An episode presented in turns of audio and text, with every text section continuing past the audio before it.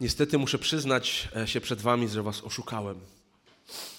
Dwa tygodnie temu powiedziałem, że będziemy mieli wrzesień z pierwszym listem do Koryntian i go skończymy, natomiast niestety jest wyjazd zborowy, o którym zapomniałem. I tam nie mam kazania i ostatnie kazanie z pierwszego listu do Koryntian będzie 1 października, także no nie zmieściłem się, nie udało mi się. Mam nadzieję, że nie straciliście całego zaufania do mnie, jesteście w stanie mnie jeszcze słuchać, e, ale tak na poważnie, to dzisiaj przed nami tekst z ostatniego rozdziału e, pierwszego listu do Koryntian, czyli 16. E, I, I, może was, niektórych z Was to zaskoczyć, że podzieliłem ten ostatni rozdział na dwa kazania, na dwa fragmenty. Miałem rozmowę z jedną osobą tydzień temu o tym, że, że może za dużo tego tekstu było tydzień temu 58 wersetów, ale moim zdaniem mówiły o tym samym. Jedna myśl główna była ta sama, więc nie chciałem tego rozbijać na kolejne fragmenty, żeby mówić kolejnego i kolejnego kazania o tym samym temacie, ale ten ostatni rozdział, pomimo tego, że jest krótszy zdecydowanie, e, to wydaje mi się, że e, mówi o dwóch różnych rzeczach w tym tekście, więc poświęcimy na to dwa osobne kazania i dzisiaj pierwsze z nich. Pozwólcie, że zacznę pewną historią. W pewnym niewielkim zborze w Polsce e, parę lat temu członkiem zboru był nauczyciel po pięćdziesiątce.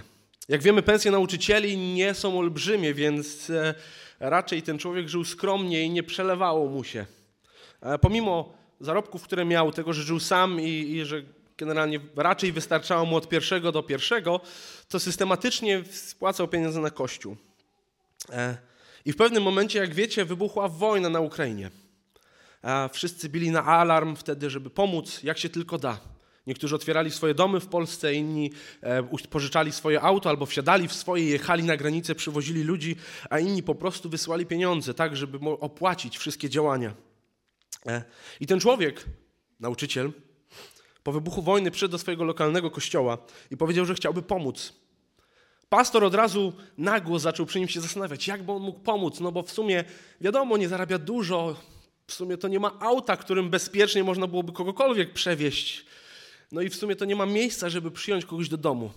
Wtedy ten człowiek przerwał, powiedział, że on jest gotowy pomóc. I wyciągnął teczkę. Przekazał ją pastorowi, a gdy pastor ją otworzył, zobaczył tam mnóstwo pieniędzy. Zanim podziękował, pastor zdziwił się, skąd się wzięły te pieniądze. To było kilkanaście albo kilkadziesiąt tysięcy złotych. I ten człowiek powiedział wtedy, że od lat odkłada pieniądze w razie czego. Wie, że nie jest gotowy na to, żeby jednorazowo pomóc komukolwiek jego sytuacja w życiu mu na to nie pozwala. A on chce być gotowy, żeby pomóc. Więc przez lata odkładał cokolwiek miał. A jak wybuchła wojna, to oddał to wszystko.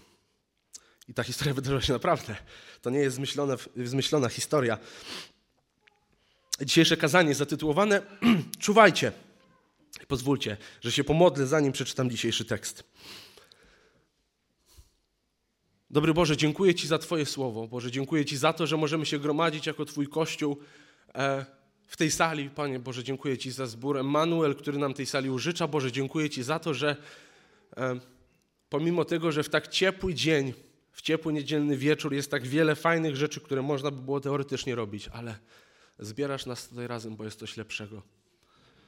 E, I to, to coś lepszego to jesteś Ty, Boże. Dlatego Ci dziękujemy za to, że jesteś tak wspaniałym Bogiem i chcemy Ciebie uwielbiać. Amen. Przeczytam teraz szesnasty rozdział pierwszego listu do Koryntian, pierwsze czternaście wersetów. Jeśli chodzi o wsparcie na rzecz świętych, również wy zróbcie tak, jak poleciłem kościołom Galacji. Niech pierwszego dnia tygodnia każdy z was odkłada sobie to, co za, zdołał zaoszczędzić, aby zbiórki nie organizować dopiero wtedy, gdy przyjdę.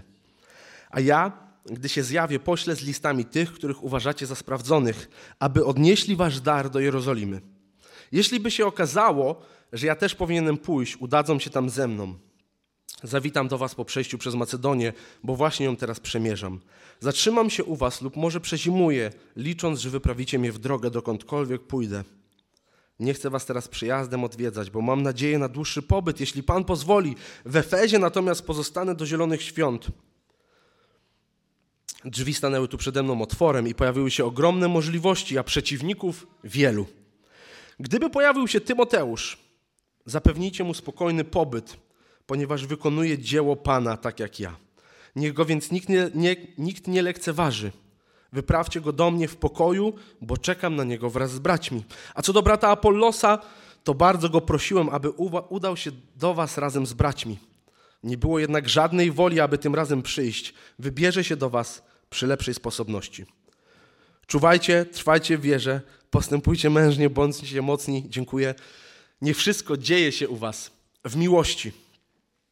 I ten tekst możemy podzielić sobie na trzy części. Paweł zaczyna od tematu zbiórki pieniędzy na Kościół w Jerozolimie. Potem opowiada o swoich planach, planach Tymoteusza i decyzja Apollosa. Wszystko kończy dwoma zdaniami, które pełnią rolę ostrzeżenia. I cały ten tekst dzisiaj, pomimo tego, że krótki, to będzie dotykał naszego serca i może stawiał nas w trudnej sytuacji. Zwykłe polecenia, które bardzo mocno obnażają nasze serce dzisiaj, jak i wtedy Koryntian. No więc zbiórka pieniędzy na Kościół w Jerozolimie. Gdy za każdym razem, gdy słyszę o tym, jak cudowny Kościół, jak, jak cudowny pierwszy Kościół był i jak dzieje apostolskie, to przepis na sukces Kościoła i musimy zrobić jak, tak jak pierwszy Kościół, to wtedy będzie dobrze, to przypominają mi się te słowa. I to, co Paweł tutaj robi. W dziejach apostolskich w rozdziale czwartym pod koniec czytamy takie słowa. Cała rzesza tych, którzy uwierzyli, miała jakby jedno serce i jedną duszę. Nikt nie nazywał własnego tym, co posiadał, ale wszystko mieli wspólne. Super. I dalej, nikt między nimi nie cierpiał niedostatku. Ci bowiem, którzy byli właścicielami gruntów lub domów, sprzedawali je, przynosili pieniądze uzyskane ze sprzedaży, kładli je u stóp apostołów. Tak zgromadzone środki rozdzielano każdemu zgodnie z tym, jaką miał potrzebę. To piękne i szlachetne działanie doprowadziło do tego, że w końcu pieniądze się kończą.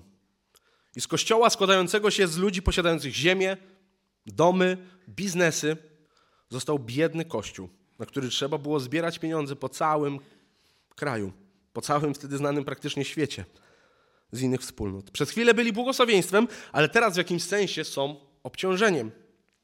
I Paweł zwraca się do Koryntian po to, żeby zebrali pieniądze pośród siebie. I daje im nakaz, tak by zbierali co tydzień. Nie wtedy, kiedy przyjdzie, ale żeby już dzisiaj zaczęli regularnie coś odkładać, tak żeby być gotowym na przyjście Pawła i żeby zebrana pula pieniędzy była większa. I mamy tutaj bardzo ciekawą i ważną myśl, która właśnie kontrastuje z tym sprzedawaniem wszystkiego na już i tworzeniu dużego budżetu ze wszystkiego, co mamy. Apostoł nakazuje im systematyczno, systematyczność, bardziej niż jednorazowy wyraz hojności – zupełnie odwrotnie niż jest to naturalne dla nas i w naszych głowach, gdzie taki, taka systematyczność, dokładanie grosza do grosza nie brzmi jakoś tak fajnie.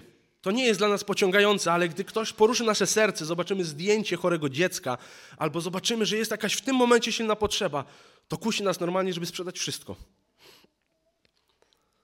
Systematyczność na pewno jest dla nas trudniejsza, bo wymaga ona od nas poświęcenia i zbadania naszego serca, w zwykłej i szarej codzienności.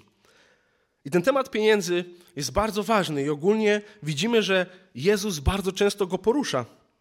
Fragmentem, który idealnie pasuje do tego polecenia Pawła o systematyczności w codziennym dniu, są słowa z Ewangelii Łukasza 12 rozdziału. Po całym wywodzie o tym, że uczniowie mają się nie martwić, że mają ufać Bogu i że Pan Bóg wszystkiego ich zaopatrzy, Jezus mówi, bo tam, gdzie wasz skarb, będzie też wasze serce.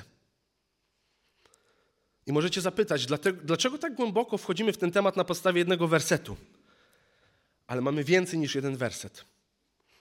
Gdy przeczytamy drugi list do Koryntian, rozdziały ósmy i dziewiąty w całości, to widzimy, że Paweł przyszedł do Koryntu, zebrał pieniądze, które oni zebrali i okazała się ta ofiara skąpa. Oni się nie przygotowali na to nijak. Nie odkładali niczego z tygodnia na tydzień, tylko gdy przed Paweł, to wtedy stwierdzili, dobrze, to zbierzmy coś. Nie posłuchali słów Pawła, jednoznacznie wskazując na to, że ich skarb w tym codziennym życiu jest gdzieś indziej. Może to było zbieranie pieniędzy na większy dom. I wiemy wszyscy, przecież ten budżet jest nieruszalny. Może niektórzy planowali jakieś wakacje, no i akurat w tym tygodniu nie odłożę nic więcej. To przecież kosztuje, wyjazdy kosztują. Może po prostu niektórzy akurat musieli kupić sobie kolejny zestaw ubrań, wyprawić kolejną ucztę. Albo po prostu chcieli mieć zabezpieczenie finansowe dla siebie, tak, żeby w razie utraty pracy spaść na bezpieczną, miękką, wygodną poduszkę finansową. W związku z tymi skarbami, które w codzienności mieli Koryntianie, nie udało im się zebrać wystarczająco pieniędzy na potrzebujący kościół w Jerozolimie i wykonać polecenia Pawła. Bracie, siostro, gdzie jest nasz skarb? Na co zbieramy? I widzicie, to pytanie idealnie pasuje, bo dzisiaj my jesteśmy w trudnej sytuacji dosyć, jeżeli chodzi o salę.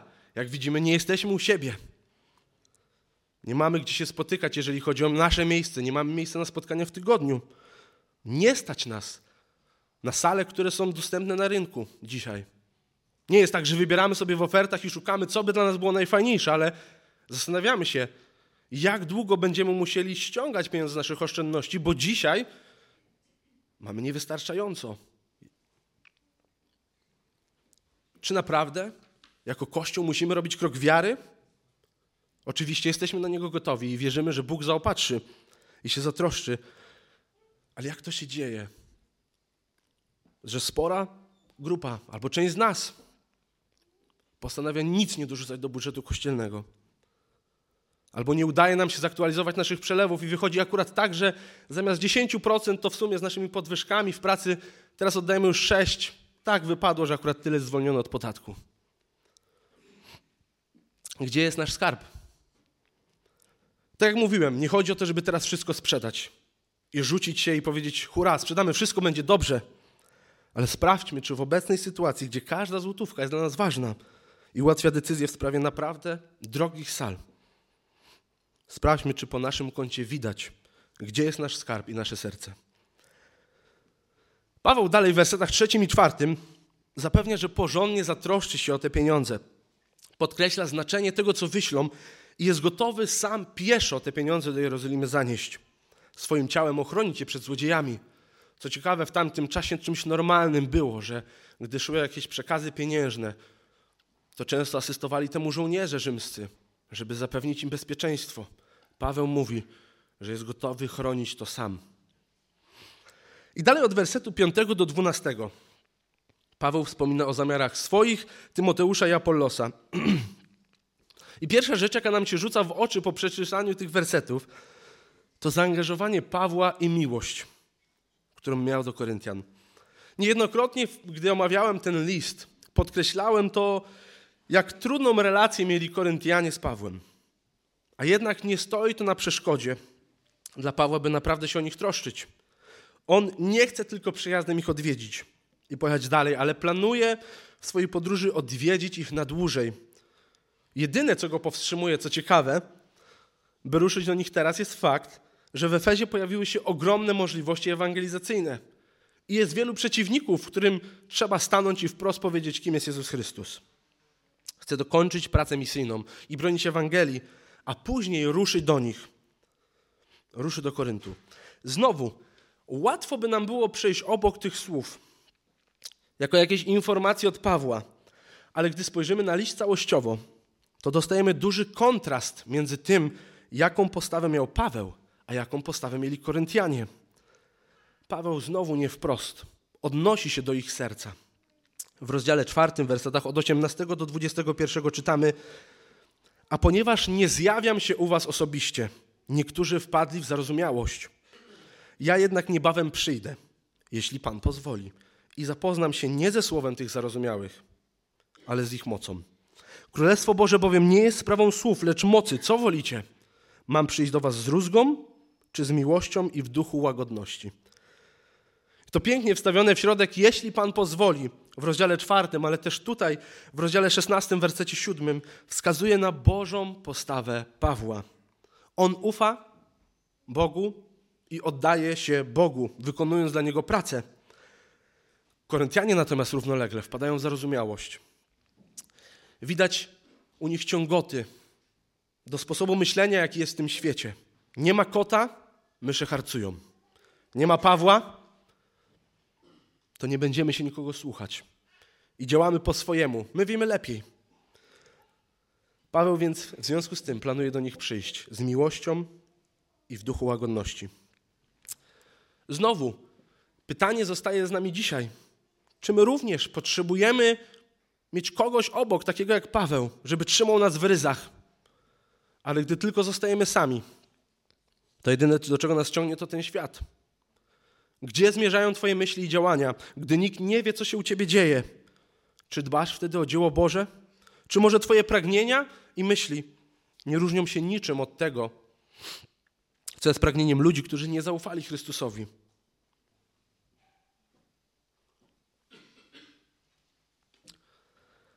Czy my jako Kościół stajemy się bardziej zarozumiali, czy bardziej Bogu poddani?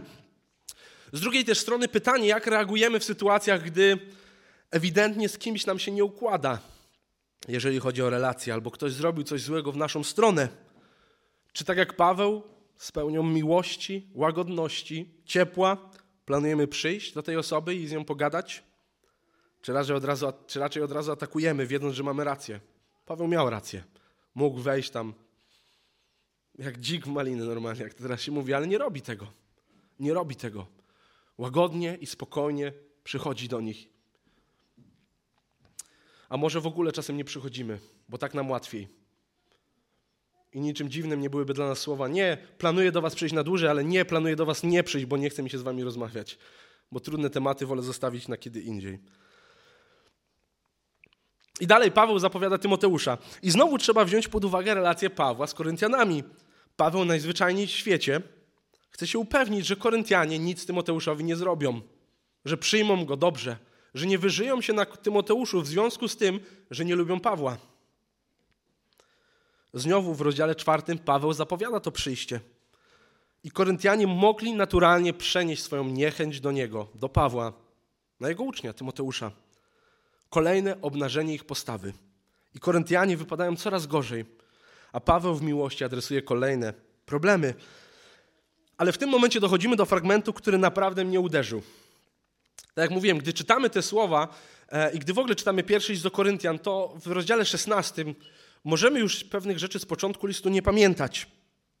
Przestajemy łączyć niektóre kropki, bo to nie jest tak dla nas oczywiste, żeby siedzieć i czytać to po parę razy jeden list, żeby wracać do danych tematów. I gdy czytamy ten szesnasty rozdział, nie kojarzymy tego, co Paweł pisał, pisał w pierwszych rozdziałach, kilkanaście rozdziałów temu.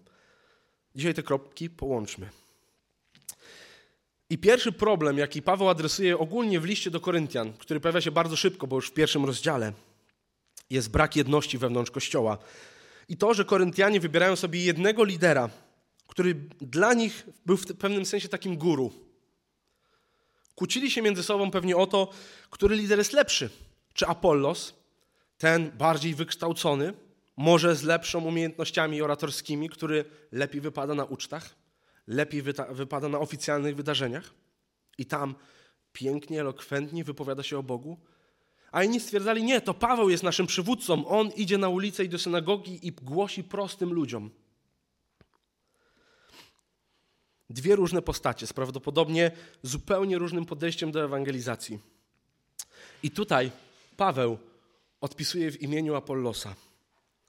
Pomimo ich wyznawców i tego, że bardzo łatwo można było zacząć się porównywać i liczyć, kto ma ich więcej, kto ma więcej swoich fanów, Apollos i Paweł stoją razem. Działają razem i nie dają się wciągnąć w żadne gierki. Apollos nie odpisuje Koryntianom sam, ale robi to przez Pawła. I co ciekawe, nie ma zamiaru ich teraz odwiedzić. Wie, że to może przynieść więcej szkody niż pożytku.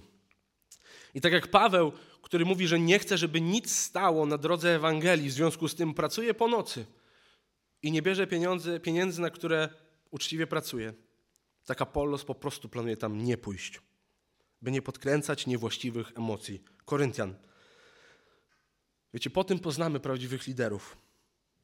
Po tym też będziemy wiedzieć, czy my jesteśmy w właściwym miejscu. Czy takie sytuacje raczej nas nakręcają i myślimy, o fajnie, ktoś nas docenił, a tamtego nie. My wypadamy lepiej. Pamiętam o sytuacji w zborze, w którym są moi rodzice, gdzie nagle zbór się podzielił i były dwie osoby, wokół których ludzie trochę się podzielili. Jedną z tych osób był mój tata. I pamiętam dobrze te trudne rozmowy w naszym domu moich rodziców między sobą. Pamiętam łzy, bo naprawdę nie chcieli być w tej sytuacji. I pamiętam wtedy, jak świadomie moi rodzice, miałem wtedy 18-19 lat, więc to nie jest tak, że byłem dzieckiem, nie pamiętam, ale pamiętam rozmowy moich rodziców, których mówili: Nie pójdziemy tam. Nie pójdziemy odwiedzić tych ludzi. Nie dlatego, że ich nie lubimy, ale byłoby to kolejnym wyrazem tego, że gramy w tą grę. Niestety wtedy zabrakło takiej postawy z drugiej strony. I Kościół ostatecznie trochę się podzielił. Część ludzi odeszła, już nie wróciła. Pytanie, czy my dzisiaj również tworzymy takie gry? Podbijamy ego jednej osoby, mówiąc, że wolimy ich bardziej od drugiej. Twoje kazania są najlepsze. Dzięki. Albo może lubimy, gdy inni nas porównują do drugiej osoby i stwierdzamy, jest, udało się, wypadliśmy lepiej na tle kogoś innego. Apollos i Paweł stoją razem i nie dają się wciągnąć w nic, wskazując na tego, komu naprawdę należy się chwała. Spójrzmy jeszcze raz na te słowa, mając w głowie ten kontekst, gdzie Paweł jest porównywany z Apollosem, werset 12. A co do brata Apollosa, to bardzo go prosiłem, aby udał się do was razem z braćmi. Nie było jednak żadnej woli, aby tym razem przyjść. Wybierze się do was przy lepszej sposobności. Znowu Paweł po mistrzowsku rozwiązuje sytuację. Uniża się, nie obraża się w sytuacji, w której nie jeden z nas by się poczuł urażony i obrażony. Troszy się o Koryntian. A niestety postawa Koryntian w kolejnym temacie jest po prostu beznadziejna. I tutaj dochodzimy do ostatnich słów z tego fragmentu. Jest to dla nas nieintuicyjne, bo w większości przykładów są one przedzielone nagłówkiem. Zupełnie nie wiem po co. Jest to podsumowanie, ostrzeżenie. Słowa, które miały przeszyć serca Koryntian i wierzę, że nasze również. Na całą tą świecką postawę, którą prezentowali Koryntianie. Na obrażanie się dla unikania konfrontacji, za brak jedności, Paweł pisze. Czuwajcie, trwajcie w wierze, postępujcie mężnie, bądźcie mocni. Niech wszystko dzieje się u was w miłości.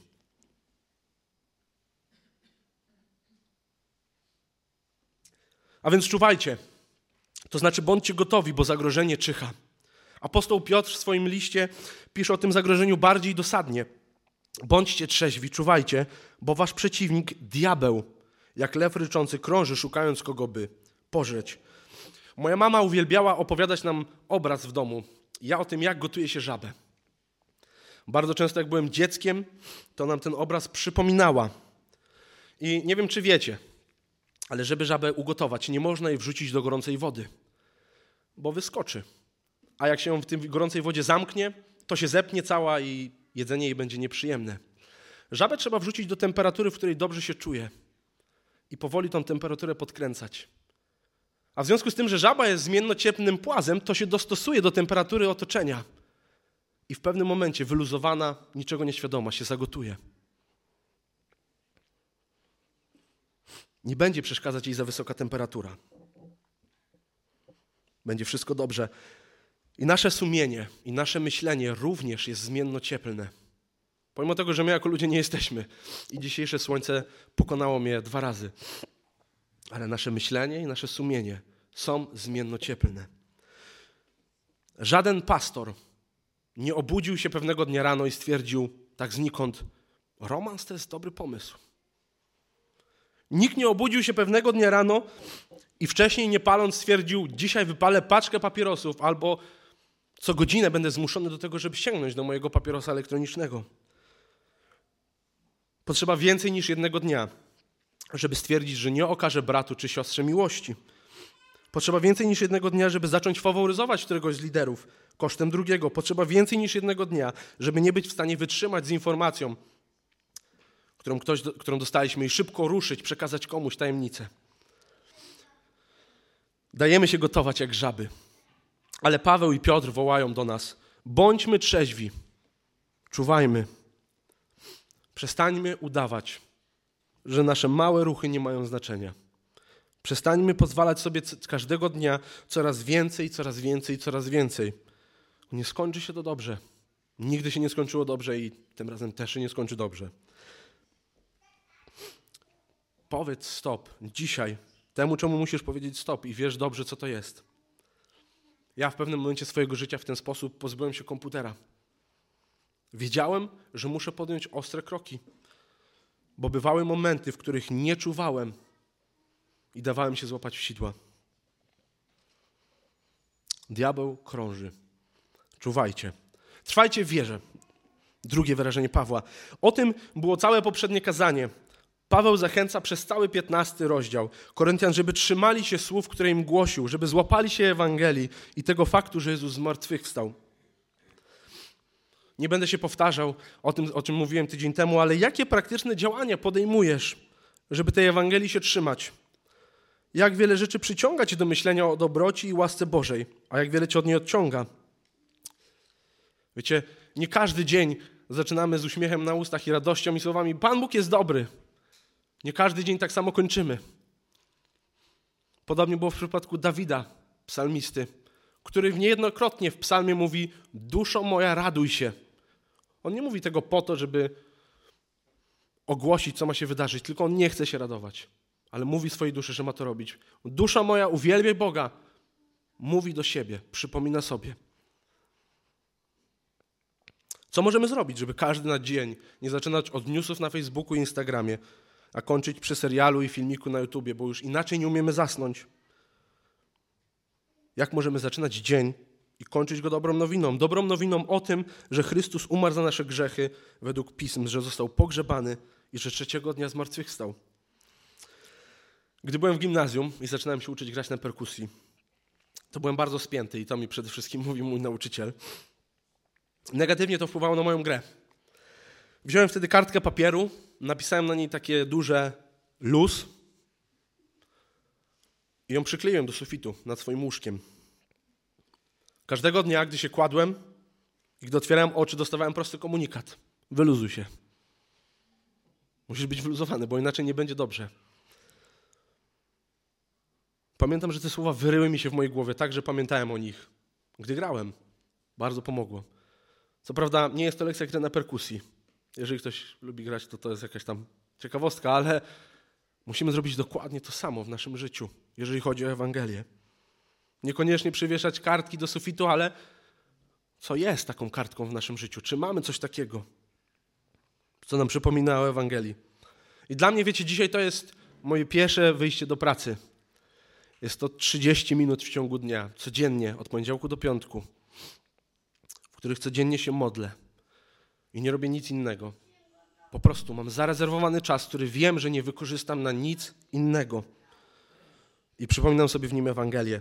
W pozostałe dwa dni, nawet jak nie idę do pracy, to pozostałych pięć zostaje ze mną. I modlitwa dalej się ciągnie. Dużo łatwiej jest modlić się w sobotę i niedzielę, gdy modlę się od poniedziałku do piątku. Trwajcie w wierze. Trwajmy w czymś, co nam o tej wierze przypomina. Postępujcie mężnie, bądźcie mocni. I Paweł już w swoich słowach o pobycie w Efezie pokazuje Koryntianom postawę męstwa i odwagi. Paweł wie, komu zaufał i w związku z jego wiarą widoczne są jego czyny. Paweł wie, że nic nie jest w stanie go odłączyć od miłości Chrystusowej. On wie, że jego Pan pokonał śmierć i ma wszelką władzę na niebie i na ziemi. I to widać w jego życiu. Zostaje dłużej, bo jest wielka możliwość do ewangelizacji i przeciwników wielu. Jak często my z powodu tych przeciwników byśmy po prostu uciekli. Czy nasza wiara wypełniona jest uczynkami, które potwierdzają to, w co wierzymy? Czy może mamy wiarę martwą, bezużyteczną, z której nic nie wynika? I miałem ostatnio naprawdę wspaniałą okazję do głoszenia w mojej pracy. Nie była to na pewno prosta rozmowa. E, siedzieliśmy razem z moimi kolegami z pracy. Pozdrawiam jednego z nich, jeżeli to ogląda. Zaczęło się w ogóle od tego, że zapytał mnie, czemu jestem zmęczony i odpowiedziałem, długo pisałem kazanie. I powiedział, o, a mógłbym kiedyś takie przeczytać? Ja mówię, możesz posłuchać, są wszystkie na YouTubie. I od słowa do słowa zaczęliśmy rozmawiać otwarcie o Ewangelii, gdzie wprost mogłem mówić o tym, w co wierzę. Rozmawialiśmy we trójkę, słyszało mnie na pewno więcej osób. Mówiłem o tym, że wiara jest rzecz, nie jest rzeczą prywatną, i jest jedynym ratunkiem wiara w Chrystusa przed sprawiedliwym sądem, jaki nadchodzi. Więc jak Ja mogę to, więc jak ja mogę w ogóle to zostawić dla siebie? Chcę o tym z nimi rozmawiać. Na końcu jeden z moich kolegów powiedział, że podziwiam moją pewność tego, w co wierzę. Ale on zupełnie nie wierzy i nie widzi przestrzeni do tego, żeby, żeby w ogóle zacząć wierzyć w cokolwiek. Powiedziałem mu, że będę się o niego modlił. Przyjął to z wdzięcznością i tyle. Postępujmy mężnie. Bądźmy mocni, wiedząc, komu zaufaliśmy. I na końcu. Niech wszystko dzieje się u Was w miłości. I wiecie, na podstawie tych przykładów, czy tego tekstu, tak naprawdę każdego tekstu, możemy dojść do wniosku, że dobra, to teraz weźmiemy się w garści i będzie dobrze. To trzeba zacząć, będę taki jak Paweł, będę taki jak Szymon, będę taki jak Jezus, będzie dobrze. Zaczynam dzisiaj i będzie super. Ale Biblia jest niesamowita, bo nie jest zbiorem wyrwanych z kontekstu wersetów, ale jest jedną wspaniałą całością, która wskazuje na Chrystusa. I gdy Paweł pisze, że o tym, że wszystko ma dziać się w miłości, wszystko mamy robić z miłości i miłość ma być początkiem naszego działania, to my możemy przejść z pierwszego listu do Koryntian i zajrzeć do tekstu innego apostoła. Do pierwszego listu Jana i w rozdziale czwartym, wersecie 19 przeczytamy słowa, że nasza miłość bierze się stąd, że On pierwszy nas nią obdarzył. Jezus Chrystus pierwszy okazał nam miłość. Jezus Chrystus umarł na krzyżu za nas. W związku z tym my możemy iść z odwagą i okazywać tą miłość dalej. Możemy być mężni dzięki Niemu. W związku z tym, że Jezus Chrystus zmarł na krzyżu, chcemy trwać w tej wierze, wiedząc, że jest to jedyny ratunek i najlepsza rzecz, jakiej możemy się uchwycić. I w związku z tą miłością chcemy czuwać i dbać o nasze serca, by świecić Jego blaskiem, a nie brudzić się myślami, postawami i zachowaniami, które promuje ten świat.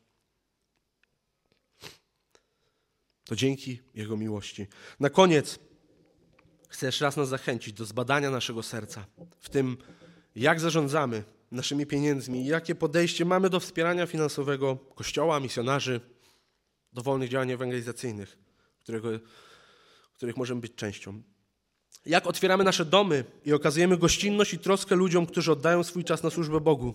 Czy robimy to chętnie, czy raczej niewygodni dla nas liderzy nigdy nie przekroczą progu naszych drzwi i nie mają co liczyć na naszą życzliwość? Jak wspieramy jedność w Kościele?